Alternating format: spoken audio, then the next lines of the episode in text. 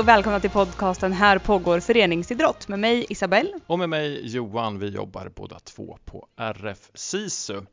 Eh, och nu efter eh, två stycken sommarutmaningar så tänkte vi att vi ska återgå till att göra lite mer ordinarie avsnitt som vi har gjort tidigare. Men innan vi släpper det här med sommarutmaningarna helt så tänkte jag kolla med dig David Faxå. Eh, vad, ja, du ska få göra en liten återkoppling på din sommarutmaning också. Vad besökte du för någonting och vad kunde du se? Jag besökte ju en, eh, ett, ett läger, eh, lite likt det träningsläger eller lägret som, som Kerin pratade om i förra avsnittet men det är ju kanske något mindre, det där i Rosvalla i Nyköping verkar ju vara ett, ett enormt stort läger.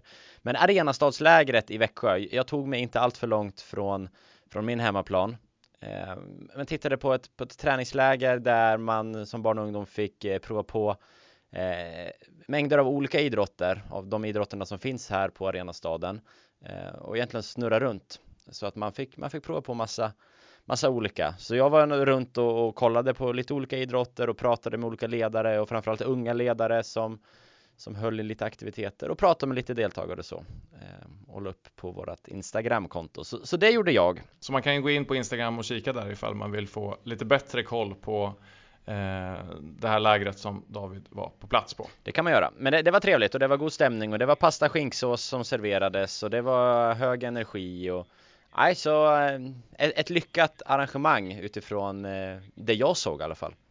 Och vill man höra lite reflektioner på vad vi har tagit med oss ifrån de här olika besöken vi har gjort under sommaren så kan man ju helt enkelt lyssna på avsnittet ifrån förra veckan. Men nu tänker jag att vi släpper det och går vidare med eh, dagens avsnitt istället. Mm. Och då är det du David som har träffat en eh, poddgäst. Ja, det stämmer. Jag har eh, träffat eh, Al-Hassan Crespo Camara. Eller han heter Al-Hassan Camara, men kallas ju Crespo Camara. Eh, och för de som kan sin fotboll kanske det är ett namn som klingar bekant. Han har ju varit fotbollsproffs i, i framförallt eh, allsvenskan under ja, men ett tiotal år ungefär nästan eh, i lite olika klubbar. Han har varit i i Häcken, han har varit i IFK Värnamo, han har varit i Halmstad och han har väl till och med varit i Örebro SK va? Örebrogänget. Ja, Eh, Eh, men det var inte om hans elitkarriär som, som vi pratade, eh, i alla fall inte det som hamnade på inspelade varianten. Jag snackade ganska mycket med, med Crespo, men vi pratade om någonting som han engagerar sig i nu. Han har ju faktiskt efter elitkarriären bosatt sig i den småländska metropolen Gislaved som ju ligger utanför Värnamo, som ligger utanför Jönköping, ish. Eh, vet ni inte, googla. Eh, men det är ett litet, en liten stad, ett litet samhälle här i, i Småland där, där han bor och han är ju verksam i IFK Värnamo som ju fortsatt är i Allsvenskan, men inte som spelare längre utan han han engagerar mycket i de sociala projekten eh, och får in fotboll i, i sånt typ av arbete. Så i det här avsnittet pratar vi specifikt om det som kallas nattfotboll. Mm, och nattfotboll har ju allt sedan det startades eh, vuxit och tagits över eller vad man ska säga eller ta, kopierats kanske man får kalla det till flera olika klubbar och flera olika ställen så det finns ju på många ställen runt om i hela Sverige nu. Ja verkligen, det har ju spridit sig som en, som en eh, positiv löpeld genom vårt avlånga land så jag tror det finns överallt. Eh, vi diskuterar här lite inför, innan inspelning. Finns det en summering på alla nattfotbollar? Vi har inte hittat den. Om ni som lyssnar kanske har en, här finns nattfotboll så, så kan ni väl skicka in den på Instagram.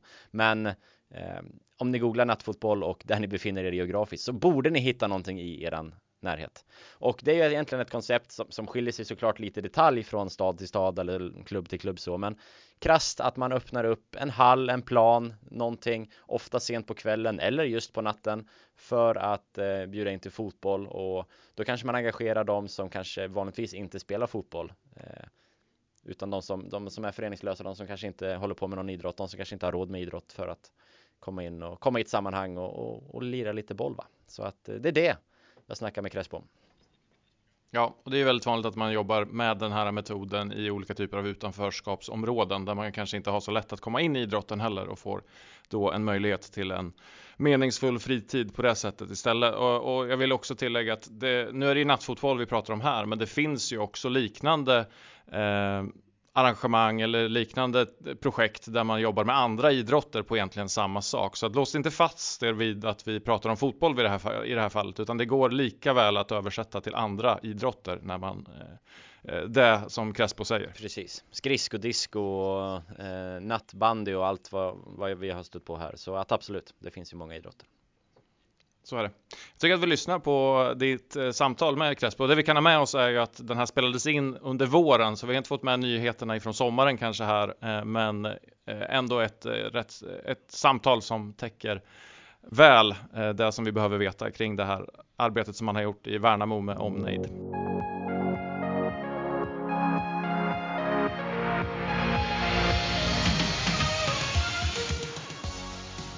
Då säger vi Varmt välkommen till eh, den här intervjun, eller det här samtalet till, till dig Al-Hassan, eller Crespo som du ju kallas av de flesta. Eller kan du mm. inte berätta lite? Välkommen hit först och eh, berätta lite, vem är du? Ja, tack så mycket. jag heter Crespo Kamara, eller Al-Hassan Ester eh, Kamara.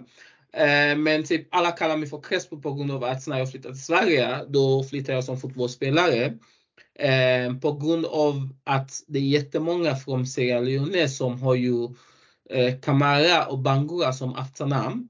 Eh, då man, alltså om man är fotbollsspelare man måste ha någon smeknamn typ. Eh, så jag blir kallad av, alltså på grund av det, så jag blir kallad eh, Crespo. Eh, Crespo var min eh, bror, min stora bror eh, smeknamn som också heter Big Crespo. Eh, som var också typ fotbollsproff i Norge och sen så fick inte lyckas och sen så åka tillbaka. Så när jag flyttade tillbaka eh, vill jag bara typ ta över typ kan man säga familjnamn. Då right. började jag bli kallad Crespo typ.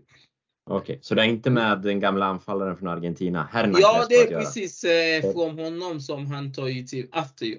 Ja, Okej, okay, jag förstår. Jag förstår. Du, tack för att, att vi får prata lite med dig. Jag tänkte att vi ska prata om, eh, om nattfotbollen. Mm. Eh, för, för du, sen du har slutat spela, du var ju proffs i Sverige och, och slutade karriären där i Värnamo, lite skador och så va? Eller ganska ja, allvarliga precis. skador. Mm. Eh, men du är, du är kvar i, och jobbar i, i Värnamo med, med lite olika satsningar och projekt. Och som sagt, nattfotboll. Kan du mm. inte berätta lite om, eh, om hur det funkar i, med nattfotbollen där du jobbar? Ja, eh, alltså egentligen nattfotboll kommer först genom ett, kan man säga en Eh, idé från, eh, från Häcken som när jag var i Häcken. Då kom en idé upp eh, som när jag var där och spelade fotboll och då eh, en ungdomar bara sa, ja men kan du inte bara komma till Bredvid och börja hänga med oss? Eh, då började jag spela fotboll med dem efter min träning på kvällen där på Bredvida. Och sen så helt plötsligt började bli den organiserad där en spelare från Häcken kommer varje fredag och spela fotboll med typ ungdomarna spontant där i bredvid där på Häcken eh, fotbollsarena. Mm. Um, och sen så blir det fredagsfotboll och sen så blir det typ nattfotboll till slut. Och det är ju en av de mest kan man säga uppmärksamma satsning eh, eh, i hela Sverige för ungdomarna eh, när det handlar om typ spontant idrott. Ja. Um, och sen så när jag flyttade till Värnamo eh, upptäcker jag att det är ju precis eh, slutet av Corona. Eh, ungdomar börjar typ hänga ute igen och jag blir ju anställd av IFK Värnamo på tre månader, typ provanställd anställd, för att eh, starta någon typ av ungdomsinsats som kan påverka typ samhälle och folkhälsa. Eh, då startade jag bland annat nattfotboll och tänkte att man skulle kunna typ eh, ha en bra förebild som kan hänga i typ en idrottshall tillsammans med ungdomarna och spela fotboll mellan typ 10 på kvällen till 12 på fredag kväll. Där det är väldigt stor risk att ungdomarna hamnar i fel grupp, fel umgänge eller hamnar fel på de här kvällarna. Mm. Eh, och hänga med dålig förebild. Så kommer på den idén och sen så börjar jag den och samlar ju typ de aktörer framförallt Eh, ungdomarna själva är ju engagerade genom att de har ju varit också typ ledarna där. Eh, jag plockar ut lite typ olika ledare i form av eh, båda fritidsledarna och sen så pratar med fältarna så att de kan hänga där ibland. Eh, och sen så blir den ganska svag i början, alltså första dagen var ju typ jag har ju typ fem ungdomar där. Alltså jag var jättebesviken och Elin från eh, RFC som var där och tänkte shit alltså det här är typ tre månaders jobb har ju nästan Ja. typ ingen ungdomar typ visat sig.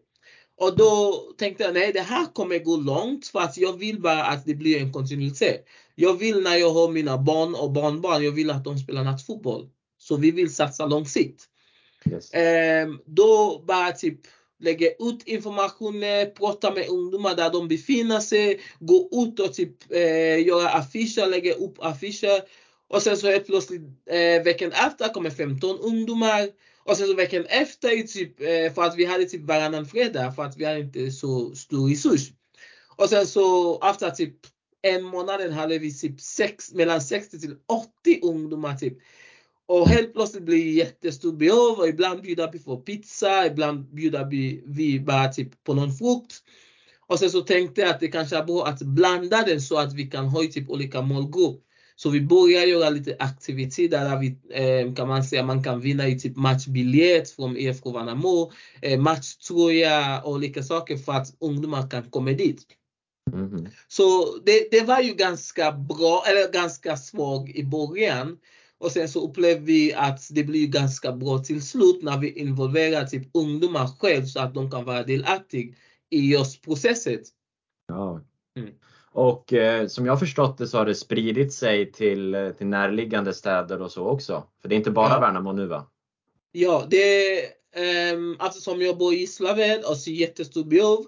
ehm, då fick jag kontakt av kommunen att fråga om vi vill starta den här i Värnamo, eller i Gislaved.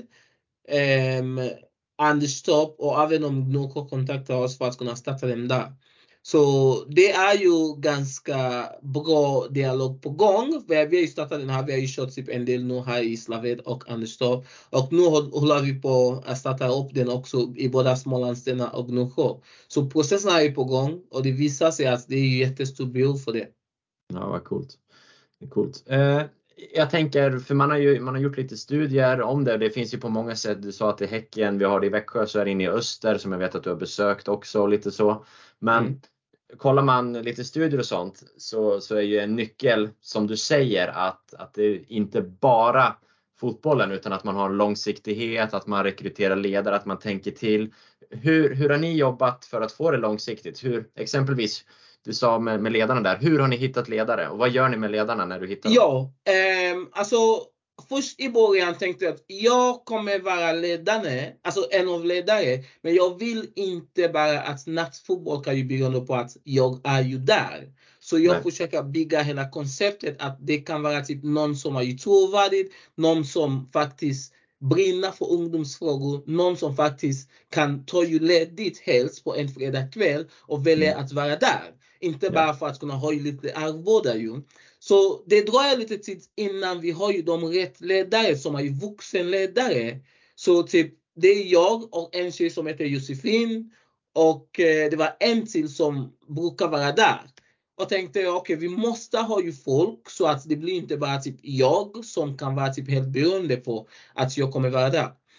Ehm, och sen så eh, hittar vi också genom de ungdomar som kommer dit och del, alltså delaktiga på just själva nattfotboll.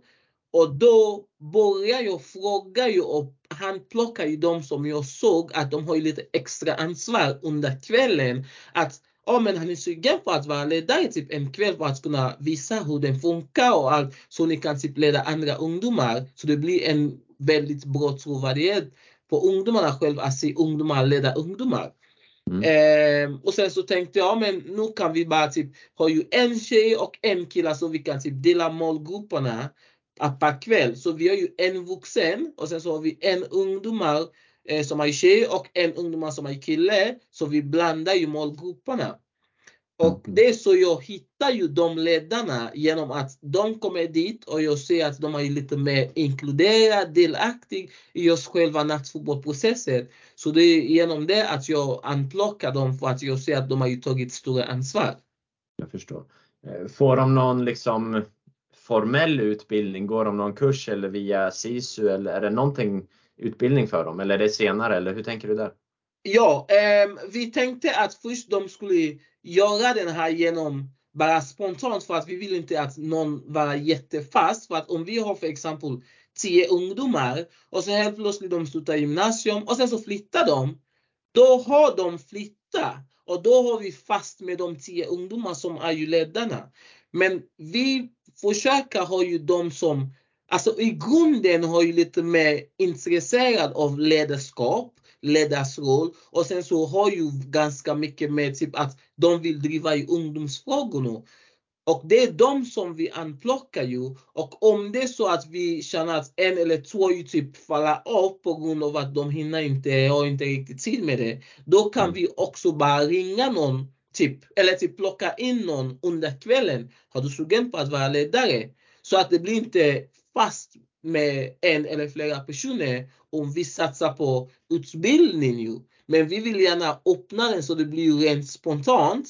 Det är därför vi har ju vuxna där som har ju rent kunskap. Och ungdomarna som är ju vuxna, eller ungdomar som är ju ledarna kan vara där som att bara täcka ju typ de eh, luckorna som, eh, som finns. Jag förstår. Jag förstår. Får de, lite, alltså de får ju en, de lär ju sig under tiden också och blir ju bättre och bättre förmodligen och får guidning av dig och får guidning av, av eh, de vuxna på plats också tänker jag. Ja.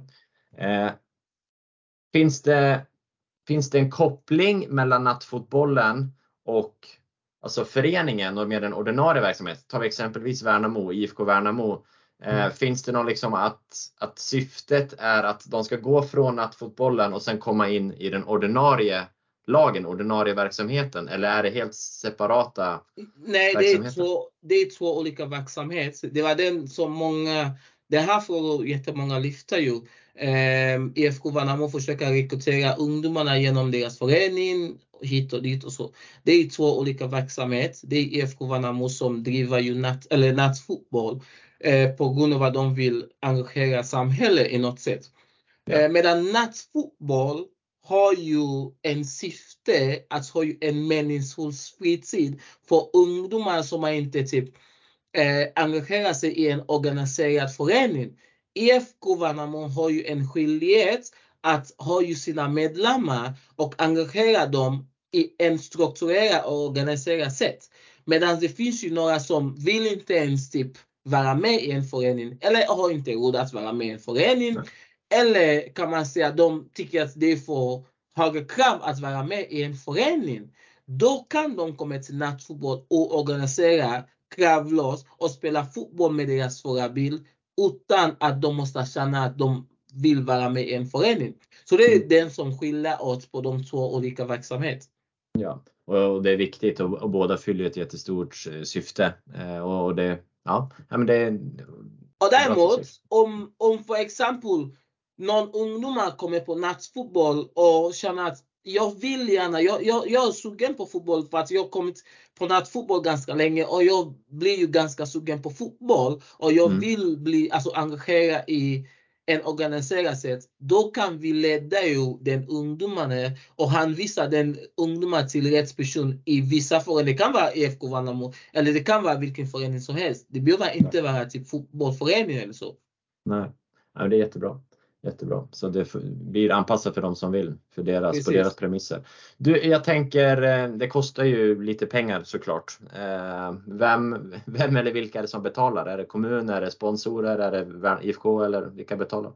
Eh, I början eh, försöka hitta ju så att det blir självgående, men det blir ganska svårt eftersom eh, när IFK Värnamo för exempel som förening driver ju en verksamhet, såklart man vill driva den, men samtidigt man behöver också ledare som är ju engagerad, som brinner för den. Samtidigt man måste ha då en motivation för att kunna behålla dem.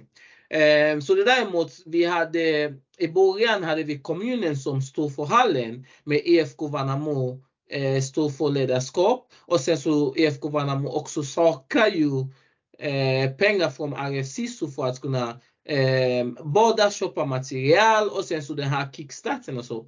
Och IFK Värnamo däremot står för arvoda för ledarna och annat också när för exempel man skulle bjuda på pizza eller göra någon typ av små, små aktivitet under eh, kvällen. Jag förstår. Jag förstår. Och är det så man ser på det liksom långsiktigt också? För det är viktigt med kontinuitet där också och med att, att man vet att det finns pengar i framtiden också.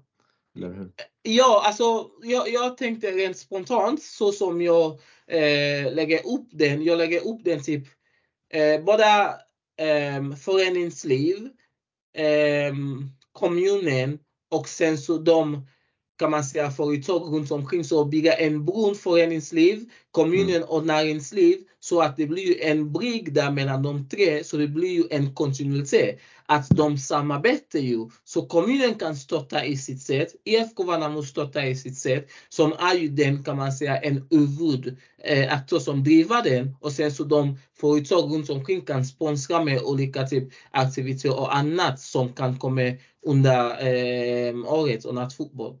Så det är därför det är jätteviktigt att kunna få med samarbetspartner under den här tiden som ja, man driver det.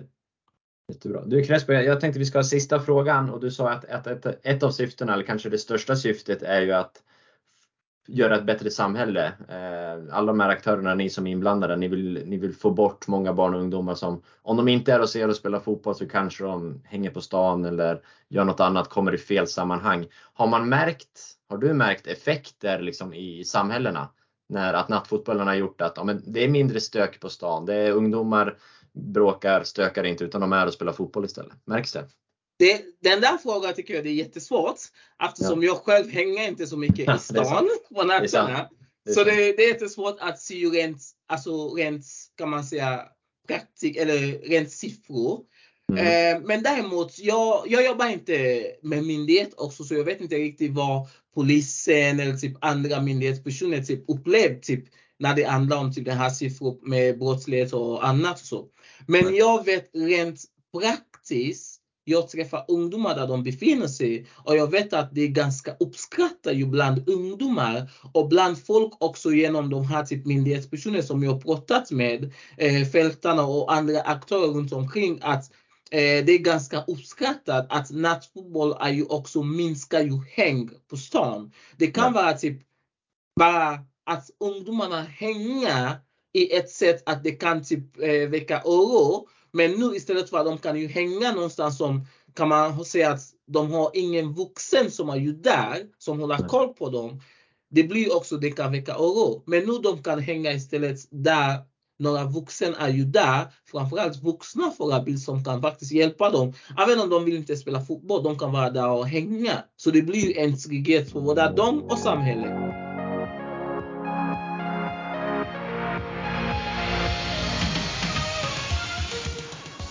Vi tackar Crespo och eh, dig David för ert samtal som vi fick ta del av. Och eh, så vill jag veta vad du så här direkt efter tar med dig från samtalet. Jag tar med mig eh, energi från det här samtalet. Jäkla vilket energiknippe Crespo Camara är. Det är synd att han, att han gick sönder så tidigt i sin fotbollskarriär. För med den energin så hade han många år till på fotbollsplanen om hans kropp hade hållit. Men vi får ju vara tacksamma för att han, för att han gör bland annat nattfotbollen då. Eh, det jag tar med mig är ju eh, hur det här kan växa och, och, hur hans med hans vittnesmål hur han ser liksom personer komma in i idrotten, komma bort från från gatan. Han, han pratar om att, ja, jag, att han inte har några siffror på det liksom, men att han med, med dialoger och med erfarenheter kan se Eh, att det lyckas engagera personer som, som annars inte hittar till idrotten. Och alltså jag är så, hittar man, lyckas man bara några stycken eller ens någon enstaka person kanske få bort från gatan och, och framförallt in i idrotten så har man ju vunnit extremt mycket. Bara det gör ju de här typen av insatserna värt det hos mig och, och så är det ju onekligen. Och sen att det verkligen expanderar också i, i just hans eh, geografiska närhet tycker jag är häftigt att man vågar satsa, att inte nattfotboll är en storstadsgrej utan att man, man kör det liksom i Anderstorp och Gnosjö har frågat nu och Gislaved och, och Värnamo. Värnamo är ju storstaden i det här sammanhanget så att eh, det är häftigt.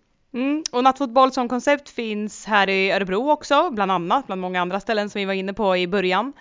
Eh, och jag tycker att det var kul att han lyfte lite de här huvudsyftena eller nyckelorden till vad nattfotbollen finns till för. För när det är uppstartat och igång och det kanske är en rullande verksamhet så ja, men då tänker man att man, eh, man är där och man eh, har aktivitet. Eh, men som han var inne på att det påverka, ska påverka samhället och folkhälsan. Plus att man ska ha en bra förebild. Det är ju väldigt mycket bredare syfte och målsättning än vad man kanske tänker när man tänker direkt på vad aktiviteten gör. Nej men jag, jag håller helt med dig och, och det är ju lätt att eh, Eh, jag tror det börjar så i många fall, men man ser ju liksom framgångsnycklar och det är väl inne lite på intervjun också. Framgångsfaktorer när man har tittat på olika nattfotbollsprojekt runt om i Sverige så funkar det ju inte att bara rulla ut en boll eh, och, dela ut eh, 25 västar och sen kör man för att det blir inte långsiktigt och, och, och hållbart. Men det blir de här följdeffekterna. Man behöver exempelvis ett, ett gäng med ledare eh, och de pratar ju Crespo om att han rekryterar dem internt utifrån vilka som, som tar på sig ledarroller och, och visar mer engagemang och, och, så. Att han kan plocka dem, eh, prata med dem, jobba med dem, eh, kanske i långa loppet erbjuda dem utbildning och så vidare. Att, att de bitarna börjar falla på plats i hans och, och IFK Värnamos fall eh, tror jag är avgörande och viktigt för att, för att det här ska fungera över tid. Så den går mm. åt rätt håll. Det är ju en metod som känns som att den har blivit eh, väldigt eh, uppskattad på många håll och som du är inne på Bella, de här olika nycklarna är ju svar på mycket av de olika behov som finns i olika områden i våra olika kommuner. Det är väl därför som då Gnosjö till exempel nu då, och Anderstorp och de här har valt att gå in i det för man har sett att det har fått så mycket positiva effekter i Värnamo antagligen även om Crespo nu inte hade siffror på det. Eh, så Eh, blir det naturligt och jag tycker att det är eh, intressant för att han pratar om det också att man såg, man såg ett behov i de här andra kommunerna nu och därför så ville man ta det här som en lösning. Det var inte bara vi vill göra någonting roligt eller vi vill göra någonting utan man ser ett behov som finns och så försöker man möta det på ett sätt som funkar för det behovet man har. Eh, och det tycker jag är liksom det viktiga att ha med sig från det här samtalet. Att, för att det kanske inte är natt, nattfotboll eller eh, natthandboll eller nattgymnastik som är liksom lösningen i din förenings närområde. Men om ni ser ett behov, försöka hitta någon typ av lösning där man kan bli en part som hjälper till eh, som förening gör ju att man stärker sina aktier rätt mycket gentemot kommun och andra sådär. Alltså det är ett sätt att verkligen etablera sig som förening eh, i andra frågor än bara eh, idrotten. Eh, där man kan ha en väldig nytta av tror jag också i dialoger och annat. Så att det, det eh, just att se de här olika behoven och eh, hitta lösningar på det som förening utifrån det man ändå har nära, nära till sig så att säga. Eh, det tror jag är jätteviktigt utifrån det här och det känns som att det varit väldigt tydligt behovsstyrt eh, i Värnamo med omnejdsfall i alla fall. Så är det och då kan man ju liksom titta samhällsbehov. När du pratar så här så, så tänker jag är det alltid idrottsföreningens uppgift, ansvar att liksom ja, men vi finns ju till för att spela fotboll eller konståkning liksom. Ska man gå in och ta ett samhällsansvar? Men Crespo är ju inne på det att, att han tycker ju att det är IFK Värnamo som ska ta den rollen och kan man det jag säger inte att man ska det, men har man möjligheten att göra det så är det fantastiskt att man gör det. Och då är det lätt att börja tänka på, men hur ska vi finansiera det här? Vi har knappt råd.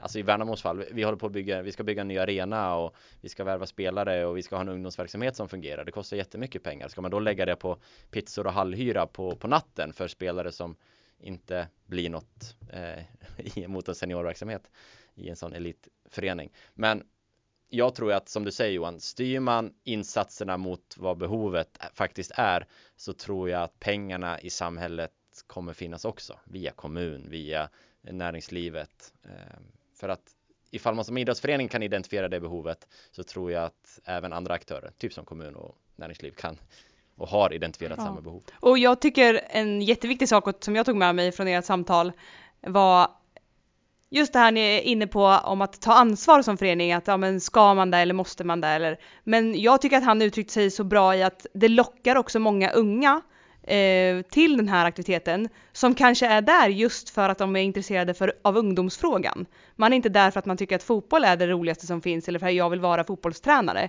utan man är där för att man gör någonting för unga i, på en ort eller i ett område och det är det som lockar och då når man också de här som faktiskt vill göra någonting för samhället och inte bara göra det för sporten. Och det tyckte jag var så himla fint att han sa att det är viktigt att fånga upp de som visar ledarskapsintresse men också de som visar intresse i ungdomsfrågor. Och ha dem, knyta dem till sig och få det här nätverket att expandera på det sättet.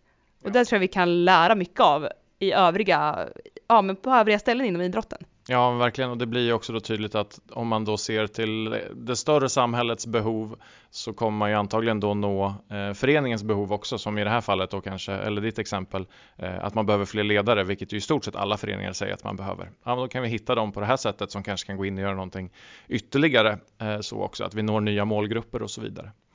Eh, ja, jag är ganska nöjd där. Jag tycker det var ett, ett, ett trevligt och väldigt spännande samtal med, med Crespo Camara och hoppas det kan inspirera er som har lyssnat. Mm. Och om det har gjort det så vill jag också bara skicka med det han sa i början. Han var ju så fruktansvärt nedbruten efter första gången de hade kört i Värnamo och det kom fem stycken ge inte upp då utan fortsätt. Jag har för mig att han sa att det var först 5 och sen 15, sen 30 och sen börjar man komma uppåt 60, 70, 80 något i den stilen. Så att, tro inte att det kommer stå 100 ungdomar där direkt. Eh, det kanske inte kommer någon första gången, men se till att jobba liksom vidare och ha tålamod med arbetet för att nya saker tar tid att utveckla.